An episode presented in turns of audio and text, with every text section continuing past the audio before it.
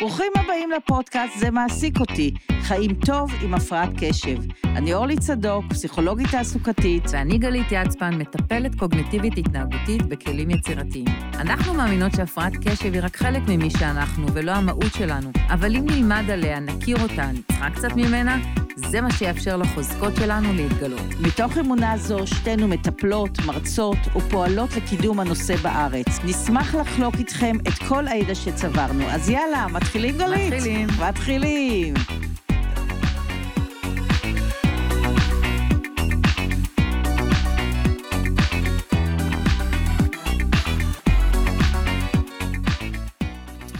אז מה העניינים, אורלי? אחלה, מה שלומך? הכל טוב. אמ, היום יש לנו נושא כבד, אה? ממש נושא כבד. נושא כבד וארוך, אבל ננסה ככה להוציא ממנו את התמצות. האמת שהנושא הזה הגיע אלינו מפנייה של אה, אחת השומעות שלנו של הפודקאסים, והיא כתבה לי ככה במייל, אני רוצה שתעשו פודקאסט על זה שהבוס שלי לא מבין אותי, או דברים שהייתי רוצה שהבוס שלי יבין אותי, ואמרתי, וואלה, זה באמת רעיון נהדר. בוסים, מסגרות, חוקים, זה באמת נושא כבד להפרעות קשב. זה לא שלא רוצים, אבל איך הבן שלי אומר, זה לא מתאים, זה לא תמיד מסתדר ביחד. כמו קובייה אני הונגרית. רוצה הכי טוב, הם רוצים הכי טוב, אבל זה לא תמיד מסתדר. והיום נדבר על מה בכל זאת לעשות, ואיך בכל זאת אפשר להסתדר עם זה. אז רגע, אז לפני שנתחיל, אם אנחנו מדברים על עבודות, אנחנו היום שתינו עצמאיות, נכון? אבל יש לנו היסטוריה של להיות בתוך עבודה, בתוך מסגרת. היסטוריה מאוד מגוונת. כן. אז uh, אני הייתי מלצרית, ואני יודעת שאת היית דיילת. את נכון, רוצה זה לספר לי את החוויה שלך ככה בתוך, uh, בתוך העבודה? היה שם משהו או מישהו שלא הבין אותך, או משהו שהיית רוצה שידעו עלייך ולא ידעו, משהו שאפיין את העבודה שלך? אני לא חושבת שזה היה עניין של הבנה, אני חושבת שאני הבנתי טוב את החוקים, והחוקים הבינו טוב את עצמם, אבל לא אותי. כי אני קמתי בשש אוהב. בבוקר, ניסיתי לסדר את השיער, לשים את הגרביים, לעשות הכל כמו שצריך, כמובן תוך דקה, הכל התפרע לי, הכל התבלגן לי, כל רגע נתקלתי בחלקים האלה של המטוס, הייתי צריכה להחזיק את הקפה ביד ולהיות מרוקדת, שלא יישפך על אף אחד, לא כל כך קרה. ובאמת זה קשה, כי זה המון פרטים והמון דברים לזכור, אז והמון כאילו דברים את היית מאלה במסגרת. כמו הבת שלי שהיום היא עובדת בחנות, אה, היא עובדת היום אצל שמו, היא מגיעה לעבודה שאני רואה אותה עם החולצה ההפוכה, כמו שאת אומרת, הסנדוויץ' חצי חתוך ביד, ואז היא מתקשרת אליה ששכחה לקחת ארוחת צהריים, מין כזה דבר. אני מאלה שהייתי מתלבשת במונית, כמה שזה נשמע מוזר, כי הייתי מצליחה בקושי לרדת עם הגרביים ביד ועם הפיג'מה, אבל מצד שני, עבדתי כל הזמן, עשיתי את העבודות הכי מלוכלכות, כי לא יכולתי לשבת.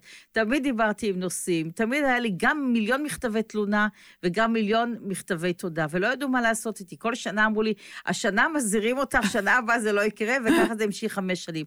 אבל גם במקומות אחרים, אבל גם את הרגשת מסגרות שהם מבינים אחרות. אותך? לא, ממש לא. כאילו. הרגשתי שאני שורדת מיום ליום, שאני הולכת על קרח דק, שכל רגע עלול להתבקע, ואז יגלו ממני באמת, ואין סיכוי שיחזיקו אותי. אגב, זה המשך גם שהייתי פסיכולוגית. שנים נכנסו אליי אנשים, והסתכלתי להם בעיניים ואמרתי, איזה מסכנים שהם באו אליי, הם לא יודעים שאני לא יודעת שום דבר. זה שהם באו אלייך והיית שם, זה בכלל, זה נס, כי אני... זה נכון. אני, היום אנחנו שתינו עצמאיות, אז זה בכלל, אתה כאילו, אתה הבוס של עצמך, זה בכלל, זה מורכבות אחרת של דברים, אבל אני יכולה, אני השבוע קבעתי עם חברה לסרט, ובאמת, כאילו, את יודעת, היא הזמינה כרטיסים והכל, ואני מגיעה הביתה בשבע, ואז אני פותחת את הטלפון בוואטסאפ, אה, מישהי כתבה לי, אז אה, אנחנו נפגשים היום? אני אומרת לה, ברור. עכשיו, אני כבר בבית. טסתי לקליניקה, פשוט היה לי ביומן, לא, אנחנו נגיע לנושא היומן, אבל רשמתי את זה ביומן לא נכון, ביטלתי מישהו אחר במקומם. הגעתי לקליניקה, כמו שאת אומרת, בריצה, כאילו, ברור, אני רק יצאתי לשנייה. אפילו לא איחרתי, הגעתי בזמן, אבל זה, זה באמת... גם לי זה אה, קרה השבוע, וזה קורה הרבה, המחשבה הזאת שאתה יודע מה המסגרת, מה הזמן, אה, מה צריך לעשות, אבל זה לא תמיד, תמיד מוצק, זה הופך למין כזה נוזל שזורם לכל מיני הכיוונים, וכל פעם צריך אה, לאסוף אותו מההתחלה. אז אנחנו נגיע לעניין של בוסים, ואני רוצה שנחזיק ככה בראש את זה שכשאתה עצמאי, ונגיע לזה בפרק אחר, אתה הבוס של עצמך, וזה נורא משפיע על איזה מין בוס אתה כלפי עצמך. אם אתה בוס ו- ובאמת ככה גם אנחנו נראה שזה בעבודה שאתה שכיר. מי הבוס שלך מאוד קובע את האיכות של העבודה שלך, כי אם הבוס יהיה רודני ושתלטני וירד עליך, סביר להניח שזה מאוד ישפיע על העבודה שלך. לגמרי, כי מה הבוס רואה? הוא בא, הוא רואה מישהי, נגיד זה, שמסתובבת בין המשרדים. הוא רואה מישהי שהשולחן שלה מבולגן לגמרי, שלא תמיד מבינה מה היא צריכה לעשות, שהוא מבקש דוח אחד, נותנת לו דוח שני, שהיא מעירה הערות משונות בתוך הישיבות, או כל יום קמה והולכת וחוזרת. הרבה פעמים בא רעיון והוא בכלל לא שייך, והוא רואה שייך לישיבה הקודמת. כלומר, כל הבלבול הזה הוא מאוד מאוד בולט, ולפעמים זה מיסוך שמקשה לראות על מה באמת יש, על מה אותו בן אדם עם הפרעת קשב יכול לתת, והאמת שהרבה פעמים הוא יכול לתת המון, אבל את זה לא תמיד רואים. נכון, הם רואים בעיקר את האיחורים, את כל הדברים האלה שנורא קשה לנו להסתיר גם כשאנחנו מתאמצים. אה, איך, איך, איך אתה יושב אפילו בתוך העבודה, כמה פעמים אתה קם, איך נראית סביבת העבודה שלך, כל הדברים האלה יוצרים המון המון קלאשים. לפעמים זה הדברים הקטנים, כמו ששכחת את הכוס קפה במשרד של מישהו אחר, והיא מתעצבנת וחושבת מה היא חושבת, שאני רוצה את הכוס קפה, ולא יודעים שפשוט שכחת. או באמת מה מקובל להגיד ומה לא מקובל להגיד, מה מקובל לשאול ומה לא, להבין את הגבולות, להגדיר את הסאבטקסט, שהרבה נכון. פעמים זה בעיה. הקושי לשבת בישיבות ארוכות. וואו. אני זוכרת שזה הדבר שהכי קשה לי היה שעבדתי במסגרות, הישיבות האלה שלא נגמרות ולא נגמרות, ואני עושה כל מאמץ לרכז. את יודעת שאני חינכתי את כולם בישיבות, אני התחלתי להביא מסרגות, אבל הייתי מאוד מתחשבת. הבאתי מסרגות עם אה, מסרגה אחת, שזה לא שתיים, שזה לא עושה רעש. במקומות, וגם זה טריקי, כי יש, יש אנשים שזה לא היה להם נעים, לא היה להם נעים שאני סורגת, והיו מעירים לי. Mm-hmm. ובאמת הייתי צריכה כל הזמן למצוא את המקום הזה, שזה בסדר, שזה קבוצה גדולה, ואם יש הרצאה גדולה, אז אני יכולה לעשות את זה, ועד היום אני רואה בהרצאות אנשים שסורגים, ואני ככה... אני, יש לי פתרון אחר. אני תמיד שואלת שאלות. כשאני מתחילה להירדם ולהיות מוסך, אני שואלת שאלות, אבל זה פתרון שעוזר לי, והרבה פעמים מאוד מפריע לאחרים, כי אה. מתעצבנים עליי וכבר רוצים ללכת הביתה, ולי יש עוד מה להגיד או לשאול שאלה. כלומר, שאני אקטיבית יותר קל לי, שאני פסיבית יותר, יותר, זה יותר מורכב, ואז אני למדתי דברים אחרים, כמו לכתוב תוך כדי, או לאסוף את השאלות לאחר כך. אה, אבל זה תמיד אתגר שגם לעשות משהו אחר שמרכז, אבל גם להשאיר קשובים. להישאר, אבל גם להישאר קשובים. זה באמת לא, לא פשוט ביחד, וצריך לראות איך עושים את זה. יש גם בעיה נוספת בישיבות, זה באמת uh, לענות לעניין. כי לפעמים יש תשובה, יש לי מטופלים שלמשל סיפרו לי שהם מתייחסים לנושא הישיבה, אבל זה עולה להם אחרי יומיים. ואז הם אומרים, מה, אני אבוא ואתייחס עכשיו לנושא, או עונים על השאלה, אבל התברר שכבר עברו לנושא אחר. כן. ואז הם יוצאים מוזרים כאלה, אז הם מפחדים להגיד ולא אומרים שום דבר. הם לא אומרים שום דבר, אז חושבים שאין להם מה להגיד, ו- ו- ואז הם רוצים לתת אחריות למישהו לקדם, אז זה לא הם, כי הם לא תורמים שום דבר. כן. אז כל הנושא הזה הוא, הוא קצת, הוא באמת מורכב. תראה, יש המון עניינים בישיבות, נורא תלוי איך מתנהלות הישיבות. כמה, כמה יש, המנהל הוא פעיל או הבכיר פעיל, וכמה נותנים לאחרים להיות פעילים בתוך הישיבה. כמובן שלאנשים עם הפרעת קשב, שיש להם את המרכיב ההיפראקטיבי, עדיף להם להיות יותר אלה שהם יוזמים, מנהלים, פעילים, מעבירים נושא, לתת להם להעביר אבל דברים. אבל מניסיון שלי זה לא כל כך קורה, כי הבוסים מאוד אוהבים לדבר, ורוצים שכולם ישבו בשקט ויקשיבו להם. שזה זוועה. זה באמת זוועה. אם יש לך בוס שהוא לא בדיוק גם לפי הטמפרמנט שלך, ולא מבין בכלל מה זה הפרעת קשב, ויש לו גם חלק שיפוטי, אה, אז בוסים, תבינו, אם אני קמה, מתנדנדת, הולכת, רוצה להכין לכולם קפה, בדרך מוציאה, נשמח לי בחזרה כל הקפה. מוציאה את המסרגות, זה לא כי הדברים שאמרת זה הם לא חשובים, אלא זה מה שעוזר לי להיות איתך בקשר ולהקשיב לאורך זמן של כל הישיבה. זה עוזר לי להיות פרודוקטיבית, הפוך. זה בדיוק אותו דבר, אבל הפוך. מה שנראה שאני לא מקשיבה ואני לא נוכחת, ולהפך, עוזר לי להיות נוכחת ומקשיבה, ומה שאתה חושב שאני מקשיבה ובואה בך בני עגל, הראש שלי כבר במאה דברים, במאה מקומות, טס על כל העולם הלוך וחזור, וזה לא אומר שאני מקשיבה. אבל הבעיה ששופטים אותנו על פי ההתנהגות החיצונית. אם רואים באמת אה, את כל השולחן אה, מבולגן, או רואים שאנחנו מאוחרים, או רואים שאנחנו מסתובבים במשרד כל היום, חושבים שאנחנו לא עובדים, למרות שאנחנו יכולים להישאר עד מאוחר בלילה ולגמור את כל העבודה, כי זה השעות השקטות. אז מה כדאי שהבוס שלנו ידע עלינו, גלית, והוא עדיין לא יודע? א', שזה באמת קשה לנו. קשה לנו להתארגן בבוקר ולהגיע בזמן, כי הפרעת הקשב לא עוברת בבית ספר, היא הולכת איתנו לעבודה. לגמרי. ואם יש איזו פנטזיה שנגיע לעבודה ופתאום יהיה לנו קל לקום בבוקר ונהיה מאורגנים, ונבוא עם התיק הזה שלקחנו, אה, של אה, חברתי מיכל צפיר, אוכלים נכון, אה, או, אה, או אה, לא זוכרת איך קוראים לה, מה היא כתבה על התיק, אבל זה תיק שאמור לעזור לך להגיע מסודר לעבודה, אז כמובן שאחרי יומיים לא נמצא את התיק, ורק להתעסק בבוקר בלארגן את הקופסאות ולארגן את הילדים, או את עצמי. כל הדבר המורכב הזה ממשיך להיות מורכב כשאתה מגיע לעבודה, צריך להחזיק בראש שכבר עברנו 400 מסלולים. ויש לנו את האשליה הזו, נכון? אני תמיד נתקל עם זה, שיתחיל הצבא, שיתחיל הלימודים, שאני אהיה הורה, המשימה הבאה, אז הכל יעבור, ואז הכל יסתדר, ואז הכל יהיה בסדר. ואז מפסיקים טיפול תרופתי, ומפסיקים להיעזר בדברים שנעזרנו, ואז כמובן שהבלגן אה, חוגג. אז חבר'ה, זה שעוברים שלב, זה לא עושה את זה יותר טוב, להפך. בדרך כלל במעברים, זה נעשה אפילו יותר גרוע, נכון. וצריך יותר תשומת לב. אז הבוס גם צריך לדעת שכשאני אה, מצליחה לאסוף את עצמי ולהתארגן, יש זמנים שאני מאוד פרודוקטיבית, זמנים שאני פחות, אבל אז אני יכולה לתת תפוקה של ארבעה אנשים. ואני יכולה להיכנס, וגם כשזה מעניין אותי, אם אני מקבלת פרויקט שמעניין אותי, לא רק אותי, כמובן, זה, זה מה שאנחנו לומדים, כן, מהמטופלים שלנו, כשזה מעניין אותם, ונותנים להם איזה משהו שהם... מצריך מהם להשתמש בכישורים שלהם, בסקרנות שלהם, ביכולות הטבעיות שלהם, הם עושים באמת עבודה של ארבעה אנשים. ולא כל דבר הוא מה שהוא נראה. אם רואים אותי מסתובבת כל היום במשרד וכאילו לא עובדת, יכול להיות שאז אני קושרת קשרים, יכול להיות שאז אני מקבלת רעיונות, יכול להיות שאז אני משתפת פעולה עם אנשים שבדרך כלל אני לא משתפת פעולה איתם. כלומר, צריך לראות את המהות של הדברים ולא איך שהם, איך שהם נראים. אבל זה mm-hmm. לא דבר, הרבה פעמים שקל אה, להבחין בו. נכון. אה, על זה שדיברנו, אני יושבת בישיבות ו... ואני נראית לא קשובה, דיברנו. אה, עוד דבר שחשוב שהבוס ידע, שזה שערכתי את המסמך אחרת, אה, או עשיתי דברים בצורה שלי, מיוחדת אה, אליי, זה אפשר דווקא להסתכל על זה רגע ולהגיד, אוקיי, אולי אני יכול ללמוד מזה משהו, היא מביאה איזה משהו רענן, זווית אחרת. אנשים עם הפרעת קשב מביאים, מביאים את המיוחדות שלהם. לגמרי, וזה הרבה פעמים מאוד סוחף את כולם. הרבה פעמים זה אנשים שנותנים את החיות במשרד, שאיתם צוחקים, שמארגנים את הטיולים, ומשרד, צוות, זה, זה גם לכידות, זה גם רוח, נכון. זה גם דברים.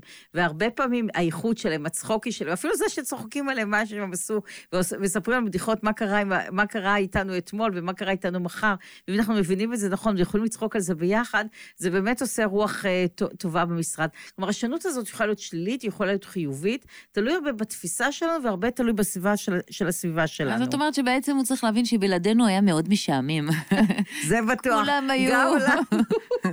כולם היו חיים בתוך טבלאות אקסל, מגיעים לישיבה בזמן. זה תמיד אומרים לי, הבן זוג היקר שלי אומר, אין יום אחד משעמם, זה אחד הדברים, לטוב ולרע, אבל נכון. אין יום אחד משעמם. נכון. אז מה יכול לעזור לנו? מה יכול לעזור לבוסים שלנו להבין אותנו, ואיך אנחנו יכולים להסתדר יותר טוב במסגרות?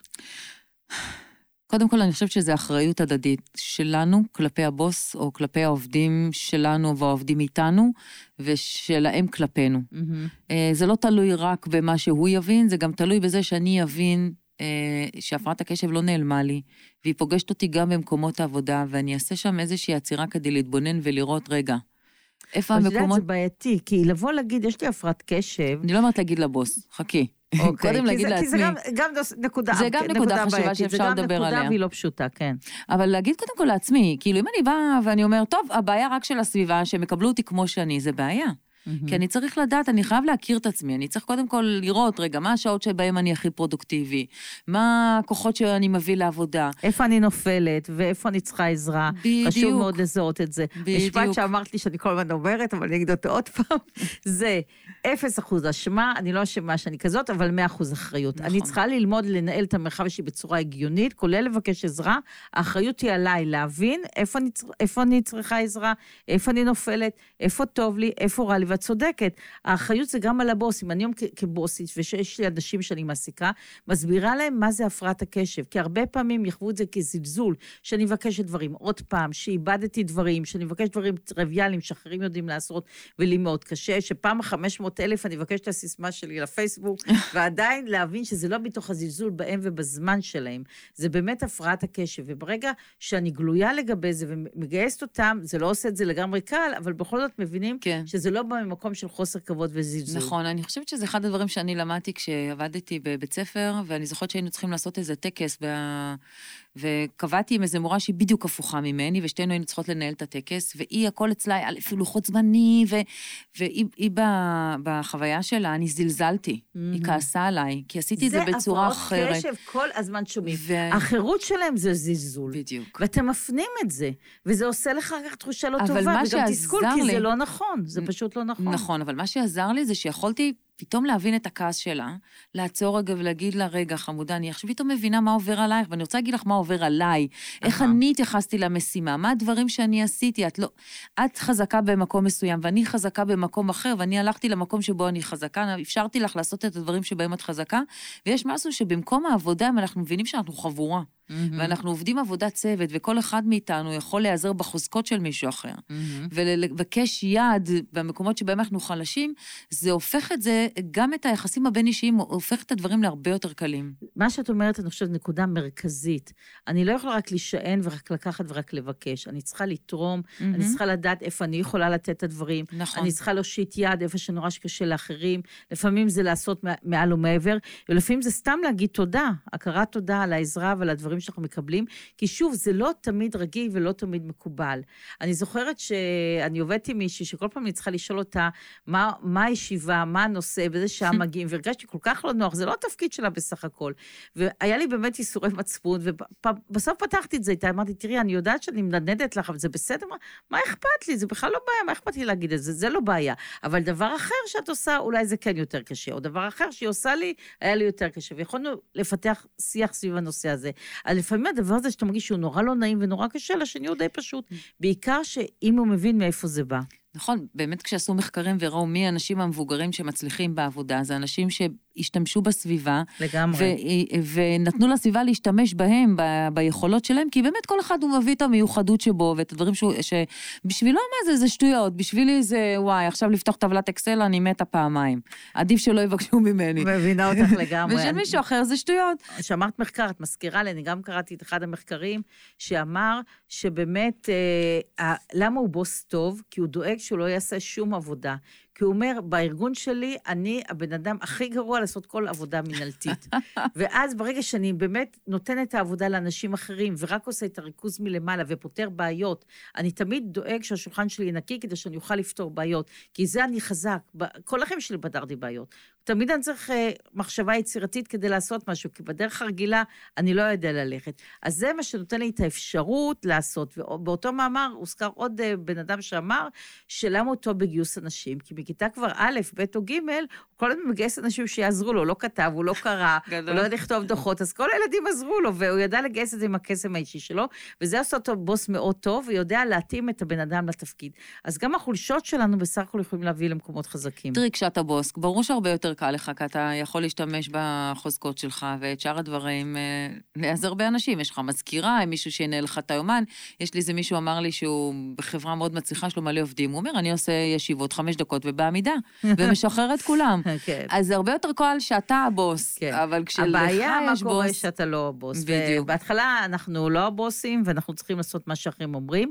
אני מעודדת הרבה, הרבה פעמים אנשים להיעזר. היה לי אצלי לא מזמן שחקן, ששוב, משחק נהדר, ו- וכותב ושר, אבל מה?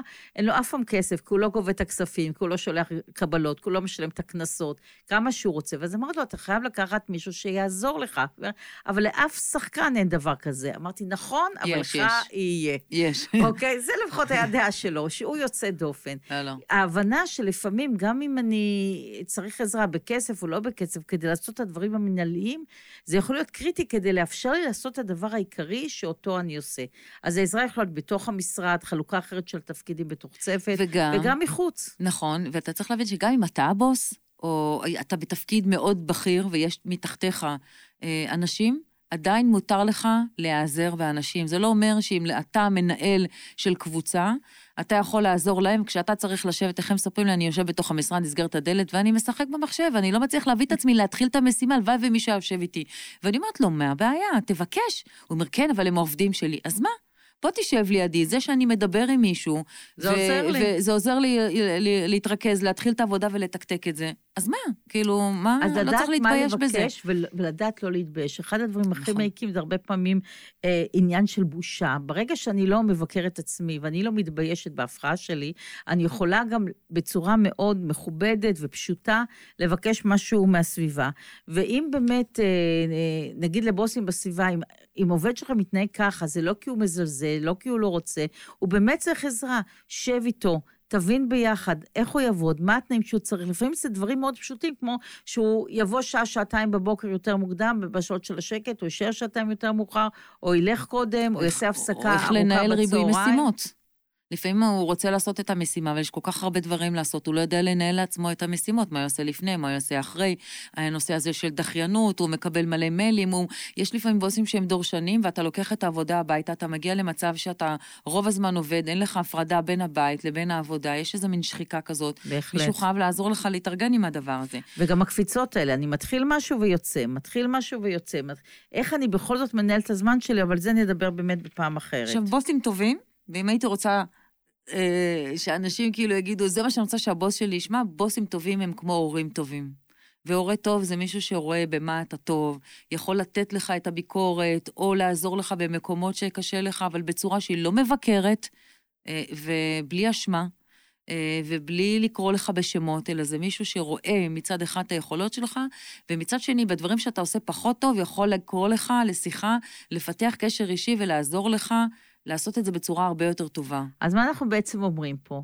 יחסים אישיים, נכון. כמו להרבה דברים אחרים, מתחיל. יחסים אישיים ותקשורת טובה זה המפתח. האחריות שלך או שלך זה לבוא ולתקשר החוצה מה אתם צריכים, מה נכון, איפה אתם נופלים, להציע גם פתרונות, כי לא תמיד לבוס שלכם יהיה פתרונות, למרות שאתם יכולים לשאול גם אותו, ולנסות את זה תקופה ולראות איך זה עובד. עצם התקשורת ועצם ההבנה שכל צד מאוד משתדל, יכולה לשנות uh, את כל האווירה. ושוב, תיקחו תפקיד שאתם טובים בו, תיקחו תפקיד שעיקרו הוא הכוחות שלכם.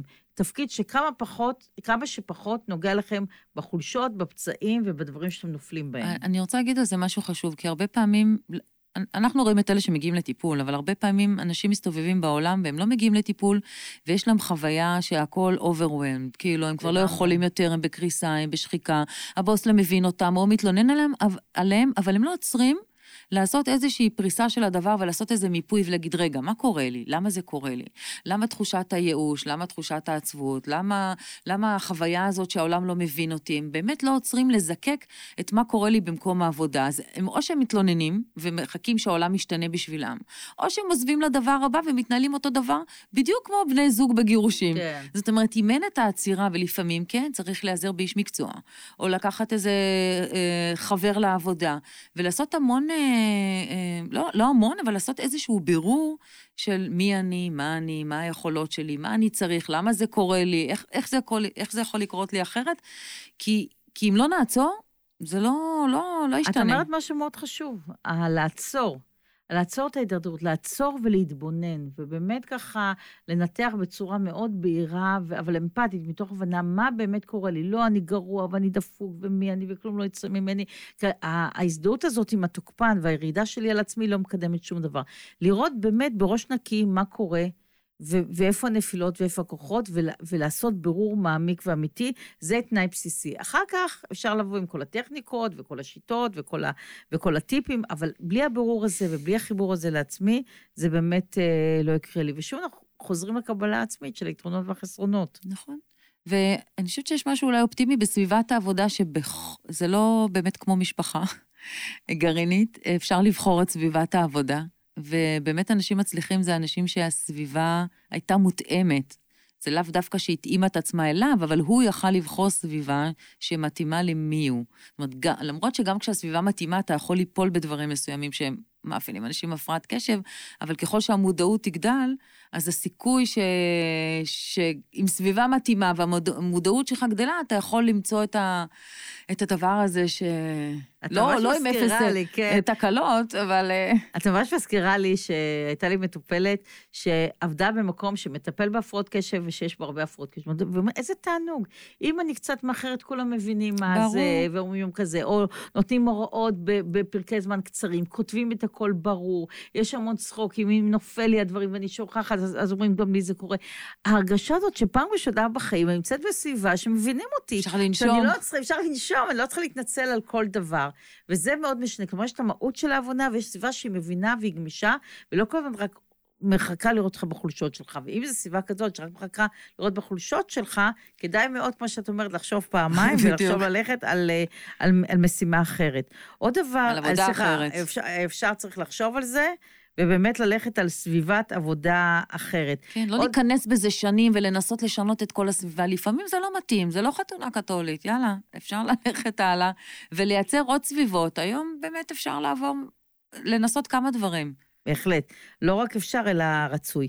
אז מה אנחנו בעצם פה אומרים? אנחנו אומרים שברור שהפרעת הקשב משפיעה גם על העבודה, וברור שיש צרכים מיוחדים וצריך סביבה מותאמת, ולפעמים זה בא באופן טבעי, והרבה פעמים זה לא בא באופן טבעי.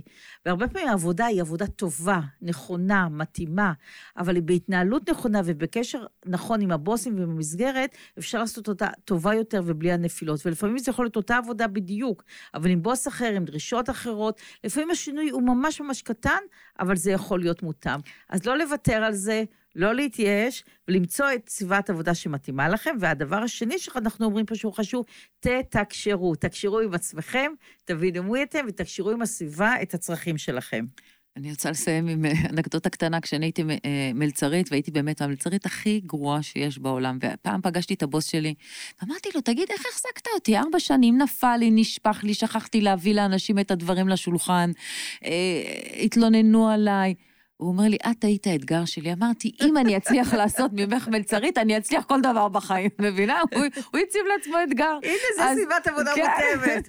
אז באמת הוא הצליח בכל דבר בחיים, אבל גם אני הצלחתי, ואני חושבת שזה היה המון בזכותו.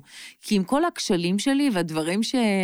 שבעיניי היו באמת מאוד מאוד גרועים, ויכול להיות שבאמת זה לא עבודה, היום אני יודעת, זה לא עבודה שהתאימה לי, עדיין היה שם בוס שהסתכל עליי בעיניים טובות, שיכל לראות את זה שאני מצחיקה את כולם, ועושה להם שמח, והיה שם, הוא יכל לראות עוד דברים, והוא לא נתפס אליי בקטנות. וזה עושה את כל השינוי. נכון. אז תשתדלו שיהיה לכם בוסים טובים כמה שאתם יכולים. ואם לא, תנו להם להקשיב לפודקאסט הזה.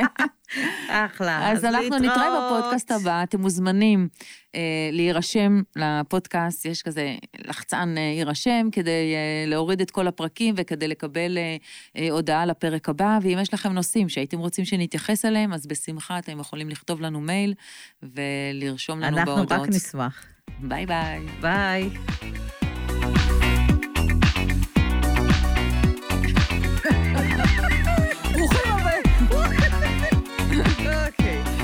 תראי, בהתחלה אנחנו צריכות לעשות את עצמנו נורמליות, אחר כך שיראו את התקלה. ברוכים הבאים לפודקאסט. זה טוב, אורלי. עוד יחשבו שאנחנו נורא עדינות. ברוכים הבאים לפודקאסט. טוב, איזה... ברוכים הבאים לפודקאסט, זה מעסיק אותי. אני חושבת שמי שישמע את זה יחשוב שאת מה זה קוקטית צרפתייה עדינה. רגע, והיום נדבר על הקושי בהתחלות. הרבה אנשים... אוקיי, היום נדבר על הקושי בהתחלות. הרבה אנשים מאוד מתקשים להתחיל משימות, וזה... הרבה אנשים מאוד מתקשים להתחיל... אז תודה רבה שהייתם